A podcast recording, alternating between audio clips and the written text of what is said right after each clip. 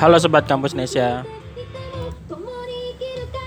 Ketemu lagi bersama saya Nandar di podcast Kampus Nesia Kali ini kita ditemani dengan Sobi. Dan ini adalah original soundtrack Gundam The Witch 4 From Mercury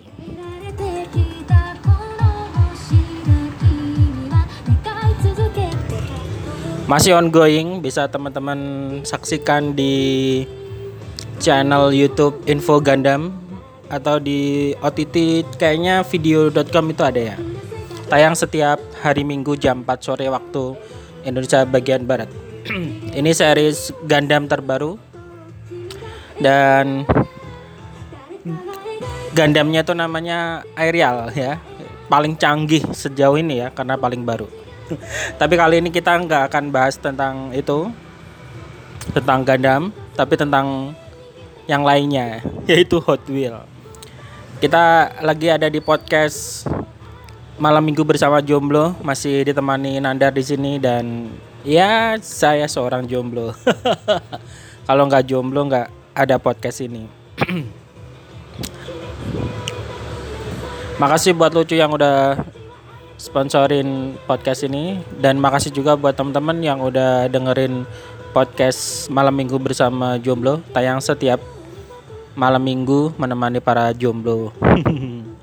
Udah ada dua episode ya jadi silahkan dicari di playlist kita.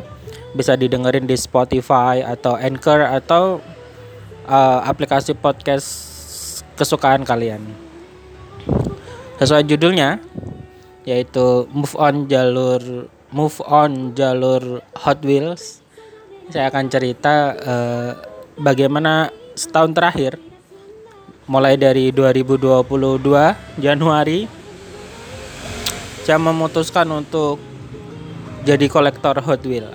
Tentu saja ada alasannya, alasan yang realistis dan uh, emosional Salah satunya adalah sebagai cara saya buat move on.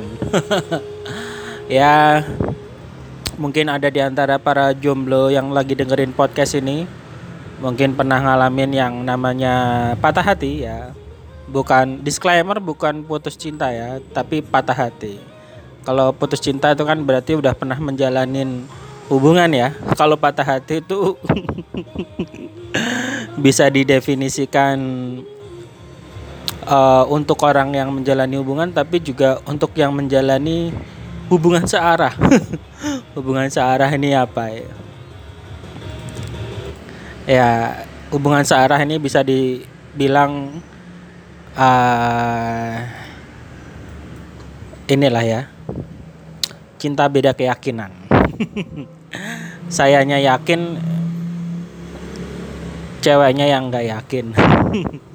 Bukan beda agama ya beda. Dan apa namanya seperti uh, manusia pada umumnya ketika patah hati ya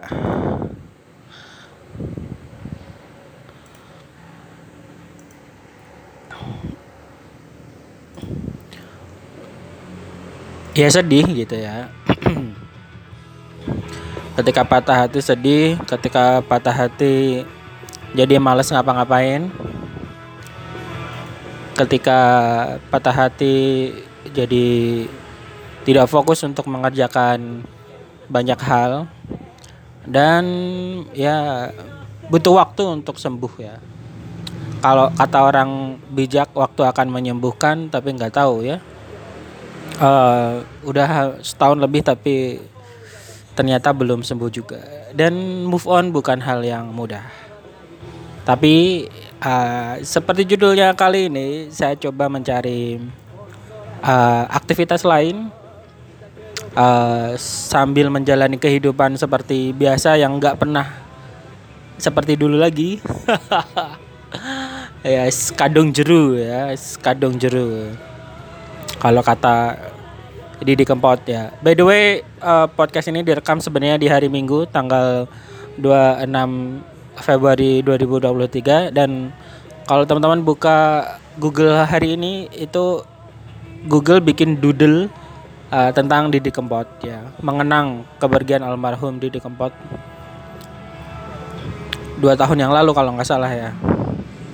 Al-Fatihah buat Mas Didi. Uh, kita kembali. Jadi waktu itu saya mencari kesibukan kira-kira apa ya yang bisa jadi sarana untuk uh, mengalihkan pikiran dan mencari kebahagiaan tapi tetap positif gitu. Uh, mungkin kalau kita baca di novel atau kita nonton drama Korea atau film orang ketika patah hati kan pelariannya banyak ya ada yang misalkan uh, minum minuman keras kemudian uh, apa namanya melakukan hal buruk kemudian tidur seharian atau mungkin yang yang yang nggak perlu ditiru misalkan berpikir untuk menyakiti diri sendiri dan bahkan mungkin uh, naudzubillah amit-amit ya ada yang sampai nekat untuk uh, mengakhiri hidupnya. Jadi pada satu titik ini ketika saya mengalami patah hati maka uh, yang bisa saya katakan adalah semua hal yang saya sebutkan tadi itu sangat mungkin ya. Jadi jangan jangan bilang itu lebay atau itu berlebihan atau apa karena itu sangat mungkin sangat mungkin. Tapi yang perlu saya sampaikan sebagai sesama uh, orang yang pernah patah hati teman-teman harus bijak dalam uh, menanggapi atau menyikapi uh, sebuah kondisi patah hati gitu ya. Maksud saya adalah ya sedih boleh uh, nggak apa-apa misalkan mau nangis mau teriak mau mau males nggak apa-apa ya. Jadi itu selama masih dalam wajar apa uh, dalam koridor kewajaran menurut saya nggak apa-apa. Ya ya justru mungkin agak nggak normal ya kalau teman-teman patah hati tapi jadi bahagia gitu kayaknya. Uh, kurang tepat juga responnya. Nggak apa-apa sedih ya waktu itu mungkin yang paling sangat terasa uh, di minggu pertama dan kedua ya jadi uh, susah tidur. Dan ya jujur nangis juga. Terus males ngapa-ngapain ya. Bahkan males masuk kerja. Nafsu makan menurun dan hal-hal yang lainnya gitu. Uh, akhirnya waktu itu saya putuskan untuk uh, menenangkan diri sejenak dengan cara uh, pulang, pulang ke pulang ke rumah. Dan setelah dua mingguan merasa sedikit lebih baik saya kembali ke tempat kerja. Jadi makanya kalau ada perusahaan yang memberi cuti khusus untuk karyawannya yang patah hati itu menurut saya itu bagus banget gitu ya. ya. Untuk para CEO atau perusahaan yang punya program cuti khusus patah hati saya acungi jempol. karena orang patah hati ini kalau disuruh kerja juga dia nggak nggak bakal efektif kayaknya ya tahu-tahu lagi ngerjain Excel gitu ya tiba-tiba nangis aduh pokoknya apalagi kalau uh, situasinya terjadi karena love interest satu kantor wah itu bakal berat banget itu makanya itu kadang saya berpikir ya ya ya semanis-manisnya drama Korea itu nggak bakal semanis dunia nyata gitu ya. Jadi kalau nonton drama Korea ya sewajarnya aja, jangan terlalu berharap karena bisa jadi di dunia nyata nggak se nggak seindah apa yang ditampilkan di drama Korea. Oke, jadi kalau masa bersedihnya udah lewat atau merasa lebih baik, maka carilah uh, hal-hal yang positif dan itu bisa menimbulkan kebahagiaan. Kalau konteksnya yang saya lakukan adalah saya coba waktu itu saya karena malam tuh nggak bisa tidur saya pergi ke minimarket ya Indo Indomart dan Alfamart nyari sesuatu yang bisa dicemil. Tujuannya sih nyari es krim ya es krim. Lalu saya muter-muter rak kemudian ketemulah di pajangan uh, mainan. Dan ada satu mainan yang membuat saya tertarik yaitu Hot Wheel. Hot Wheel ya, produk dari Mattel. Mainan diecast istilahnya karena dia terbuat dari aluminium. Jadi walaupun dia ukurannya kecil tapi agak berat dan menarik ya. Jadi uh, inner child saya, jadi jiwa ke jiwa ke bocahan saya itu tergugah. Wah ini kayak bagus ya. Cuman ketika ngelihat harganya itu rata-rata uh, Hot Wheel itu harganya sekitar 33 itu yang reguler yang basic ada yang sekitar 40 kemudian ada yang 50 dan juga ada yang 70-an yang moving part. Tetapi moving part itu kayaknya yang uh, ini ya matchbox ya. Matchbox itu juga diecast juga produksinya Mattel juga. Uh, dan secara garis besar Matchbox, kemudian Matchbox, kemudian Hot Wheel ini masuk kategori mainan diecast. Mainan yang menyerupai kendaraan, ukurannya kecil dan terbuat dari aluminium ya. Uh, dia agak berat. Kalau mereknya sih banyak ya. Uh, salah satunya salah dua yang terkenal itu tadi. Hot Wheel, Matchbox, ada Majoret atau Mayoret.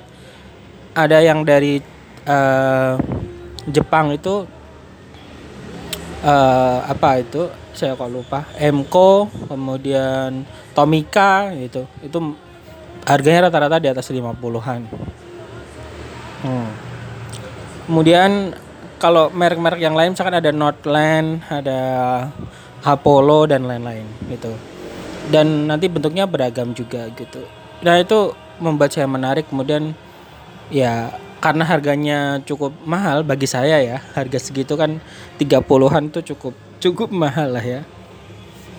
Bisa buat makan dua kali dalam sehari. Malam itu saya beli satu saya ingat saya. Saya beli satu uh, kemudian bagus sih ya. Kemudian saya saya nyari nyari uh, kebiasaan saya kalau sudah suka sama sesuatu tuh saya bakal nyari bakal ngulik uh, sampai misalkan sejarahnya gimana nih.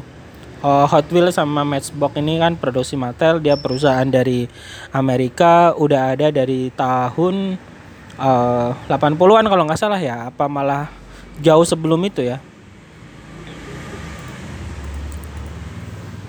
Nah dan dan dia masuk kategori collectible item. Artinya uh, kalau anak ke, anak kecil itu anak kecil itu uh, apa namanya beli mungkin hanya sekedar hanya sekedar untuk dimainin ya karena kan itu ada tracknya. Nah uh, ini juga mengingatkan saya pada masa kecil karena dulu tahun 90-an kalau lagi nonton acara kartun minggu pagi itu uh, iklannya itu biasanya tentang Hot Wheels sama tracknya atau lajur itu ya yang yang lajur jalannya itu yang bisa di bisa ditata itu.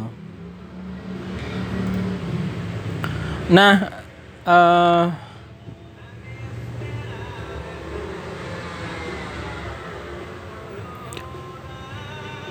uh,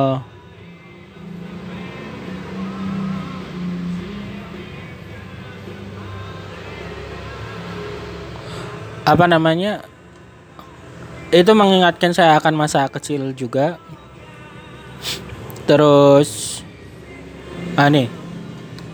Sorry. Hot Wheels adalah mainan mobil berbahan metal atau diecast yang diproduksi oleh produsen mainan anak-anak Mattel INC, INC Amerika Serikat sejak tahun oh 1968. Wah, ini bahkan orang tua saja saya orang tua saya aja belum lahir nih. Yang juga memproduksi mainan mobilan bermerek Matchbox yang telah lebih dulu masuk ke Indonesia sejak tahun 9 1970-an. Oke. Hot Wheels uh, sudah tidak melulu berupa permainan mobilan tapi sudah dikembangkan beberapa produk pendukung seperti video game, serial TV, video dan DVD, t-shirt dan lain-lain. Di Indonesia, Hot Wheels masuk pada tahun 2022. Peluncuran disemarkan dengan trek permainan terpanjang se-Asia 200 meter yang rekornya diakui oleh Muri. Bahkan sejak 2002 pula telah berdiri perkumpulan kolektor Hot Wheels Indonesia. Salah satunya pusat ngumpulnya di Caster atau sering disebut PND. Di kalangan penghobi semakin banyak cara menikmati mainan ini. Jika dulunya hanya sebatas koleksi, dalam perkembangannya mainan ini juga dimainkan dalam bentuk balap mainan, custom dan fotografi.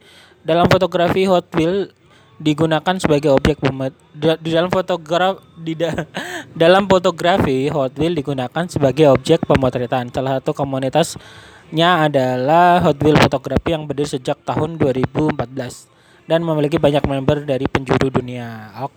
Okay. Nah, gitu teman-teman sekilas tentang Hot Wheels ini ya. Nah, kemudian yang yang menarik lagi adalah uh, selain untuk koleksi artinya buat pajangan gitu. Ya karena udah dewasa ya paling apa ya ya dilihat-lihat, dibersihin ya. Jadi maksudnya enggak terus kemudian buat buat balapan juga ya walaupun bisa aja gitu tapi bagi orang dewasa ini buat ini buat apa namanya buat koleksi aja. Apalagi kalau nemu-nemu nemu mobil-mobil yang familiar lah ya. Misalkan merek-merek yang ada di dunia nyata. Karena kan kategorinya banyak. Ada yang fantasi ada yang apa real mobil ada yang based on movie. Misalkan uh, koleksi uh, mobilnya Batman. Misalkan Batmobile Batmobile gitu. Dan lain-lain. Dan yang menarik teman-teman di kalangan kolektor uh, Hot Wheels ini nilainya itu bisa melebihi harga pembeliannya gitu ya. Apalagi untuk jenis-jenis tertentu. Contoh di dalam dunia Hot Wheels itu nanti akan ada beberapa seri seperti uh, basic, reguler, kemudian ada shift color yang kalau disiram air itu berubah. Katanya ya, kalau shift color saya belum belum belum apa namanya belum punya karena baru tahu ya selama ini kalau lihat di Indomaret atau Alfamart itu uh, ya karena nggak tahu shift color tuh apaan sih gitu ya. Tadi saya baru dapat informasi dari teman saya yang kerjanya di toko mainan. Kalau shift color tuh artinya kalau dia disiram air bakal berubah warna. Jadi menarik nih nanti insya Allah bulan depan pengennya beli ya belilah yang shift color ini. Nah selain uh, selain itu juga ada yang sering jadi buruan oleh kolektor itu istilahnya Hot Wheel Super Treasure Hunt atau Treasure Hunt aja gitu. Jadi dua jenis ini tuh uh, diproduksi sama Hot Wheel itu dalam event tertentu, jumlahnya juga terbatas dan itu wah itu kalau ketemu kolektor yang beneran kolektor dia bakal bayar uh, berani bayar mahal gitu ya. Tadi itu lihat di YouTube tuh ada katanya yang sampai laku eh, satu juta lima ratus padahal mungkin paling paling banter ya Hot Wheels tuh mungkin ya paling mahal kayak tujuh puluhan lah. Dan kata teman saya juga yang tadi kerja di toko mainan itu dia itu nemu untuk beberapa jenis Hot Wheels itu memang uh, dicari orang kan gitu. Jadi ya sekali lagi ya di di tangan yang tepat maka dia akan sangat berharga. Udah kayak burung aja lah ya. Burung itu kan ya misalkan kita belinya waktu masih kecil atau mungkin murah menurut kita biasa aja atau mungkin nemu dari masih uh, anakan gitu itu kalau udah dewasa ketemu sama orang yang memang benar-benar hobi burung ya berapapun dia bakal mau beli. Sama seperti Hot Wheel gitu. Uh, jadi kalau ya ini butuh kejelian sebenarnya ya, butuh kejelian dalam dalam memilih kalau kita uh, tujuannya untuk bisnis gitu. Saya punya artikel di kampus Nesia, teman-teman bisa cari uh, Hot Wheels sebagai model investasi dan menurut saya itu sangat memungkinkan gitu. Uh, kita beli Hot Wheels nanti setelah beberapa tahun bisa aja nilainya itu bakal naik gitu. Ya bahasa sederhananya misalkan ya uh, kayak sekarang aja gitu uh, kalau kita pinter gitu uh, kalau teman-teman perhatikan di Alfamart dan Indomaret itu paling murah itu kalau sekarang lagi ada promo itu 25 25.900 Hot Wheel yang yang reguler ya, yang reguler. Nah, ini di beberapa tempat itu bisa dapat dengan jenis yang sama, harganya lebih murah. Contoh misalkan uh, saya kemarin beli itu di toko mainan tempat teman saya kerja di Semarang. Itu dapatnya 22.500 gitu. Nah, itu aja kan kalau kita jual pakai harganya Indomaret atau Alfamart itu udah dapat berapa tuh? Dua dua ribu dua ribu lima ratus tambah sembilan ratus. tiga ribu empat ratus ya. Udah dapat tiga ribu empat ratus gitu. Nah belum lagi kalau nanti harganya udah normal. Ini memang beberapa bulan ini harganya lagi turun ya. Nah kalau harga normal itu uh, barang yang sama di Indomaret itu bisa dijual tiga tiga kalau nggak salah ya. Artinya kalau kita dapat harga 22500 katakanlah 23 udah dapat 10.000 gitu. Itu itu itu sekarang dan itu jualnya reguler maksudnya biasa aja gitu. Dan belum lagi kalau kita pinter memilih bisa menemukan uh, jenis uh, keluaran Hot Wheel yang berharga itu dijual 40 sampai 50 tuh dapat gitu. Teman saya kemarin cerita dia uh, saya lupa tadi serinya tuh apa kalau nggak salah itu Audi atau Audi ya kalau nggak salah dia nemu harga yang 40 kemudian dijual itu 80 gitu. Karena ketemu sama orang yang memang menginginkan uh, jenis model itu gitu. Bahkan untuk yang fantasi yang selama ini dianggap itu uh, grade-nya paling paling sederhana atau paling murah di antara yang lain uh, itu aja kalau ketemu kolektor itu harganya juga bakal lebih mahal gitu. Karena biasanya orang ada juga tuh jenis uh, kolektor yang dia itu pengen melengkapi koleksinya. Dan udah kalau ketemu orang yang tepat itu ini bakal bakal bisa lebih mahal harganya. Menarik lah gitu. Bisa bisa. Dijadiin something buat investasi menurut saya bisa. Dan ada juga jenis yang istilahnya tulus atau udah dibuka. Ada juga yang masih dalam segelan uh, ininya ya bukunya gitu selain itu yang mau saya ceritakan tentang Hot Wheel juga uh, kalau saya pribadi sebenarnya uh, model itu jelas tapi itu kan sangat personal ya. Dalam artian satu model tertentu menarik tapi buat orang lain itu belum tentu juga gitu. Kalau saya ya biasanya eh, saya bakal nyari yang yang saya belum punya. Jadi menghindari banget untuk jenis yang sama. Dan biasanya itu jenis-jenis yang uh, saya lebih suka yang realistis dalam artian uh, versi mobil aslinya tuh ada gitu. Uh, berikutnya biasanya saya utamakan nyari yang uh, model-modelnya itu lawas, misalkan uh, jenis Dodge uh, apa itu namanya? Uh, saya lupa ya kalian nggak begitu saya sebenarnya nggak begitu apal jenis-jenis mobil tapi era tahun 70-an 80-an gitu. Yang modelnya itu jadul-jadul gitu. Uh, Mustang atau yang lain gitu. Itu saya suka. Uh, yang modern juga sebenarnya suka juga ya. Atau sekalian yang futuristik misalkan. Ada yang versi apa uh, model-model model-model ini ya. Model-model uh, fantasi tapi yang realistis gitu.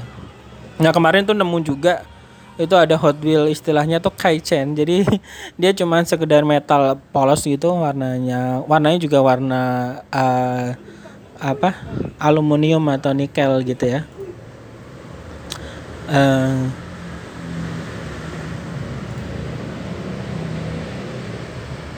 itu katanya buat gantungan kunci gitu. Nanti dikasih kayak apa uh, dikasih gantungan nanti bisa buat itu. Dan menurut saya kata teman saya sebenarnya itu banyak banyak itu di pasaran. Cuman bagi saya itu oh ini menarik sih gitu. Nah terlepas dari Hot Wheel teman-teman kita ngomongin diecast secara secara umum ya gitu. Akhirnya uh, sebenarnya juga ada sisi sisi gelapnya di dunia Hot Wheel ini. Karena dia produk yang populer maka ya seperti kita ketahui bakal muncul uh, kopiannya ya KW-nya gitu. Jadi kita harus hati-hati juga kalau mau beli itu ya harus pastiin bahwa itu produknya ori. Salah satu yang paling paling gampang untuk uh, mengetahui produknya itu ori atau KW dari sisi harga jelas. Uh, dan yang kedua saya sarankan uh, belilah di tempat-tempat yang official yang paling gampang misalkan yang yang paling deket sama kita. Saya yakin di semua daerah itu ada ya coba cari di Indomaret dan Alfamart karena nggak mungkin kan mereka ngejual apa barang KW gitu ya. Yang kedua ya cari di toko mainan yang memang uh, trusted gitu ya.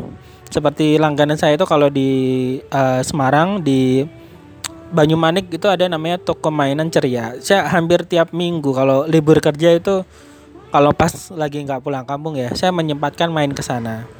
Lihat-lihat kalau ada yang menarik beli ya. Ya enggak enggak tiap pekan beli tapi ada aja gitu. Hari ini misalkan saya beli dua diecast tapi yang yang bukan Hot Wheel ya gitu. Rencananya sih nanti selain buat koleksi pribadi saya mau jual jual lagi. Saya bikin uh, diecast hobi Semarang yang nantinya itu bakal ngejual uh, Hot Wheel secara eh sorry diecast secara umum nggak cuman Hot Wheel aja gitu.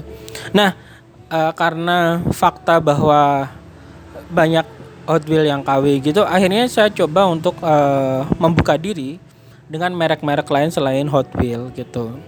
Uh, Majoret saya suka uh, karena di beberapa se uh, uh, sering kali harganya itu juga lebih terjangkau dari Hot Wheels apalagi kalau uh, dia lagi promo. Umum sih ya rata-rata sekitar 33an tapi ini sekarang kayaknya lagi turun di angka 27 uh, dan pernah itu nemu promo eh, dua puluh lima ribu kalau nggak salah ya. lima puluh ribu dapat dua. Gra beli satu gra uh, gratis satu gitu. Terus kalau lokal itu ada roll speed. Roll speed itu uh, kemarin saya beli dua yang uh, edisinya Sri Asih dan roll speed ini uh, kalau saya perhatikan kemarin itu dia ngeluarin seriesnya yang polisi Indonesia ya. Uh, mobil patroli yang abu-abu itu sama yang putih merah biru itu yang polantas itu ya. Tapi untuk sementara saya belum. Tapi saya udah punya roll speed yang yang edisi Sri Asih film Sri Asih ya. Itu kemarin dapat harga 30-an kalau sekarang itu kalau nggak salah uh, yang versi polisi itu harganya 50-an Uh, terus uh, saya juga uh, suka merek Apollo. Apollo kemarin punya satu koleksi itu uh, versinya yang Jeep ya, Jeep. Nah ini dia bisa dibuka, kemudian tapi nggak ada lampunya. Dia pullback, jadi bisa ditarik ke belakang nanti maju sendiri. Dan ada juga hmm, saya punya merek Northland, Northland dan dia double pullback. Jadi dia ditarik ke belakang kemudian dia nanti maju. Kalau dia nanti kena hambatan katakanlah mentok gitu dia nabrak di depan maka dia akan mundur. Ketika mundur nabrak nanti dia bakalan ke depan. Dan saya punya dua dan waktu itu beruntung banget karena pas lagi pas lagi beli itu lagi ada promo di Indomaret kalau nggak salah waktu itu tuh harganya 14.000 atau mah atau bahkan 9.000 ya kalau nggak salah satu. Jadi dua itu mungkin 18.000 apa 24 gitu saya ingat saya. Tapi itu murah banget ya karena harga regulernya itu sekarang kalau nggak salah itu 30 sampai 50 ya Northland yang yang apa uh, double pullback ini. Uh, ini menurut ini bagi saya sangat spesial dan personal karena dulu ingat waktu kecil saya uh, ser sering ya beberapa kali diberikan belikan mainan uh, pullback kayak gini oleh almarhum bapak waktu saya sakit di rumah sakit. Jadi dulu ceritanya saya sering sakit masuk ke rumah sakit dan tiap kali pulang gitu biasanya dibeliin mainan. Salah satunya satu ketika uh, seingat saya itu mungkin dua atau tiga kali itu uh, mainan yang pullback kayak gini ya, diecast yang pullback yang tarik ke belakang dia dia maju sendiri. Dan modelnya tuh model-model Northland gitu. Dia itu mirip kayak Tamiya gitu tapi versi kecil. dan full metal ya karena diecast gitu. Kemudian akhirnya eh, pertimbangan bahwa banyak KW dari merek-merek terkenal, saya memutuskan untuk membuka diri mengoleksi dan suka semua jenis diecast. Jadi secara umum diecast. Jadi saya enggak dan saya terbuka untuk semua merek dan bahkan itu merek Cina gitu. Enggak harus Jepang atau Amerika. Yang penting dia punya merek sendiri. Jadi daripada KW-nya Hot Wheel, saya lebih suka merek yang enggak terkenal juga nggak apa-apa dari Cina misalkan. Tapi dia punya merek sendiri dan itu menurut saya jadi malah lebih bagus gitu ya. Saya punya koleksi street machine, street machine uh, ya dia lebih sederhana dari Hot Wheel gitu dan harganya itu murah banget. Uh, harga retailnya itu 12.000. Mungkin ada 5 atau 6 gitu koleksinya. 12.000 dan ini kalau dijual dijual 20 aja pasti kalau yang suka diecast dia bakal beli gitu dan dia packagingnya uh, box gitu satu-satu uh, sebagian transparan bukan model uh, yang yang pakai apa namanya gantungan kayak Hot Wheel atau Mayoret atau Matchbox gitu model box. Kemudian kemarin juga ada um, oh baru tadi itu uh, diecast uh, apa ya namanya tadi ya? Toy Studio kalau nggak salah. Itu itu jelas nggak terkenal banget mereknya. Tapi ya uh, apa namanya ya menarik karena dia punya ini juga punya merek sendiri dan saya lebih suka yang kayak gitu. Uh, ini ada Modern City uh, ini pullback uh, modelnya itu Jeep dan saya punya berapa nih? Punya empat ya. Jadi kemarin ceritanya dapat iklan uh, link insertion di di kampus Nesia dibayarnya seratus ribu ya udah saya beliin buat investasi buat beli diecast saja kemudian ada Modern City. Modern City ini sang, uh, menurut saya terjangkau. Dia dia itu ngeluarin beberapa model. Ada ini saya punya F1 1 harganya 35 kemudian ini ada model model Word. Ini punya VW kombi ya. Uh, itu murah juga 35 kalau nggak salah. Sebenarnya kemarin ada satu saya punya Jeep yang um, hmm, kayak modern city juga tapi saya kasih ponakan. Uh, saya punya Max Metal juga. Ini seriesnya itu con construction uh, series ya truck series. Ini saya beli yang uh, truck truk yang di atasnya itu ada eskavatornya kemudian kemarin tuh apa ya? Tapi udah udah saya buka ya yang ini double ini ya. Kalau nggak salah Northland ya. Yang dia bisa ini berubah berubah ini. Ada satu mobil tapi dia bisa dibolak-balik jadi dua mobil. Tapi bukan dekas ya itu alloy ya. Alloy bahannya tuh dari ini. Bahannya dari dari dari plastik gitu teman-teman. Itu beberapa koleksi uh, Hot Wheel uh, diecast secara umum saya dan latar belakang kenapa uh, memutuskan untuk mulai koleksi diecast dan Hot Wheel terutama sebagai uh, ya cara melampiaskan ke hal yang lebih positif ketika patah hati. Uh, silakan kalau main. Ada di lucu building ya di kantornya kampus Nesia kantornya lucu juga. Dan kalau cocok ya boleh kalau mau di boleh kalau mau dibeli silahkan. Saya punya sekarang saya punya satu dua tiga empat lima enam tujuh delapan sembilan sepuluh sebelas dua belas tiga belas empat belas lima belas enam belas tujuh belas delapan belas sembilan belas dua puluh dua satu dua dua dua tiga dua empat dua lima dua enam dua tujuh dua delapan dua sembilan tiga puluh tiga satu tiga dua tiga tiga tiga empat tiga lima tiga enam tiga tujuh tiga delapan tiga sembilan empat puluh satu dua tiga empat lima enam tujuh delapan sembilan sepuluh lima puluh satu dua tiga empat lima enam tujuh delapan enam puluh jadi kalau dihitung 12 bulan sejak pertama kali memutuskan move on jalur Hot Wheel berarti setiap bulan kira-kira beli 5 ya Pertanyaannya apakah berhasil move on? Jawabannya belum. belum, belum. Saya belum bisa move on. Jadi kalau punya kesempatan saya ingin nyoba lagi ya.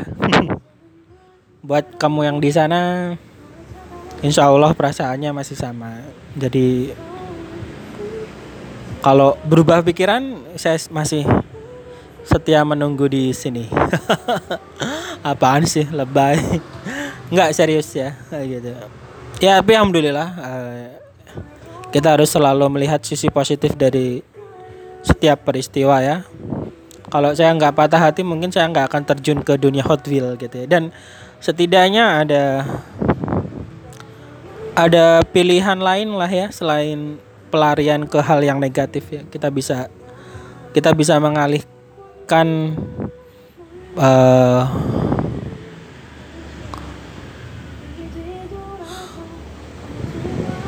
apa patah hati dari hal yang positif. um, oh ya pesan buat teman-teman yang mau mulai uh, koleksi atau jadi kolektor Hot Wheel terutama yang mungkin udah bukan anak-anak lagi, udah dewasa, udah kerja atau mungkin Anda adalah seorang bapak atau seorang suami dari pasangan atau seorang bapak dari keluarga gunakanlah uang laki istilahnya. Ya saya mengutip uh, uh, Mas Erik Sukamti vokalisnya Endang Sukamti. Jadi uh, mereka Endang Sukamti itu tiap kali rilis album fisik mereka tuh selalu mengkampanyekan agar para Kemptis family uh, fans mereka itu menabung dulu. Jadi jangan kemudian uh, membeli album pakai uang keluarga misalkan. Uang jatah keluarga uang jatah susu anak uang jatah uang saku anak atau uang buat istri atau uang buat orang tua atau uang-uang yang untuk kebutuhan lain. Jadi begitu juga ketika saya beli Hot Wheel itu saya selalu menggunakan ya u, apa u, alokasinya itu emang khusus bukan bukan kemudian uh, untuk jatah orang tua atau uh, jatah untuk keluarga gitu. Biasanya misalkan caranya ya kalau dengan tidak menambah penghasilan uh, contoh misalkan kayak kemarin tuh uh, ada pemasukan dari iklan artikel placement di kampus Nesia, makasih domain Nesia tiga ratus ribu itu yang seratus ribu saya gunakan untuk beli misalkan. Yang dua ratus ribu digunakan untuk uh, yang lain yang yang lebih penting gitu. Jadi harus gitu teman-teman. Jadi jangan sampai uh, hobi kita itu me merusak uh, manajemen keuangan kita gitu. Atau kalau misalkan belum ada pemasukan tambahan ya uh, prihatin prihatin dalam artian misalkan uh, kalau misalkan sekali makan itu katakanlah 15.000 atau 20.000 makannya itu misalkan pakai lauknya ayam. Kalau kita target sebulan itu beli satu Hot Wheel yang harganya 30 katakanlah berarti paling enggak setiap setiap hari menyisikan seribu rupiah dari uang makan kita. Jadi misalkan kalau biasanya makan itu gorengannya dua, berarti gorengannya tak kurangin satu, satu gorengan yang harganya 1000 itu ditabung nanti di akhir bulan ketika udah terkumpul 30 ribu buat beli Hot Wheel jadi gitu caranya. Gitu. Dan ya itu tadi jangan kalap juga gitu ya. Ya ya seperlunya lah sebagai sebuah hobi. Dan nggak harus juga misalkan harus tiap pekan beli atau tiap bulan beli juga. Ya beli aja ketika pengen gitu. Bukan kewajiban juga kan. Jadi ini sekedar sekedar alternatif juga buat uh, sekedar alternatif buat apa ya mencari kebahagiaan lah ya gitu.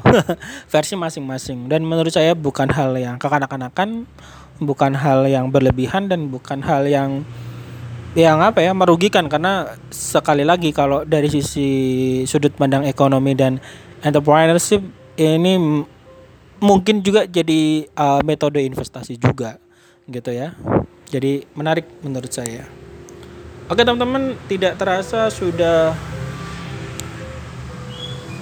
39 menit ya. Ini mungkin uh, podcast terpanjang di uh, Kampus Nesia Podcast ya, podcast Kampus Nesia ya. Makasih para jomblo yang udah dengerin saya. Uh, demikian uh, episode malam minggu bersama jomblo kali ini. dengerin terus uh, podcast Kampus Nesia. Atau teman-teman juga bisa baca artikel kita di kampusnesia.co.id dan kalau yang butuh cetak mencetak merchandise bisa ke lucu.com. Kita ketemu di episode berikutnya. Saya Nandar, tetap sehat, tetap semangat. Kita ketemu di podcast malam minggu bersama jomblo berikutnya. Wassalamualaikum warahmatullahi wabarakatuh.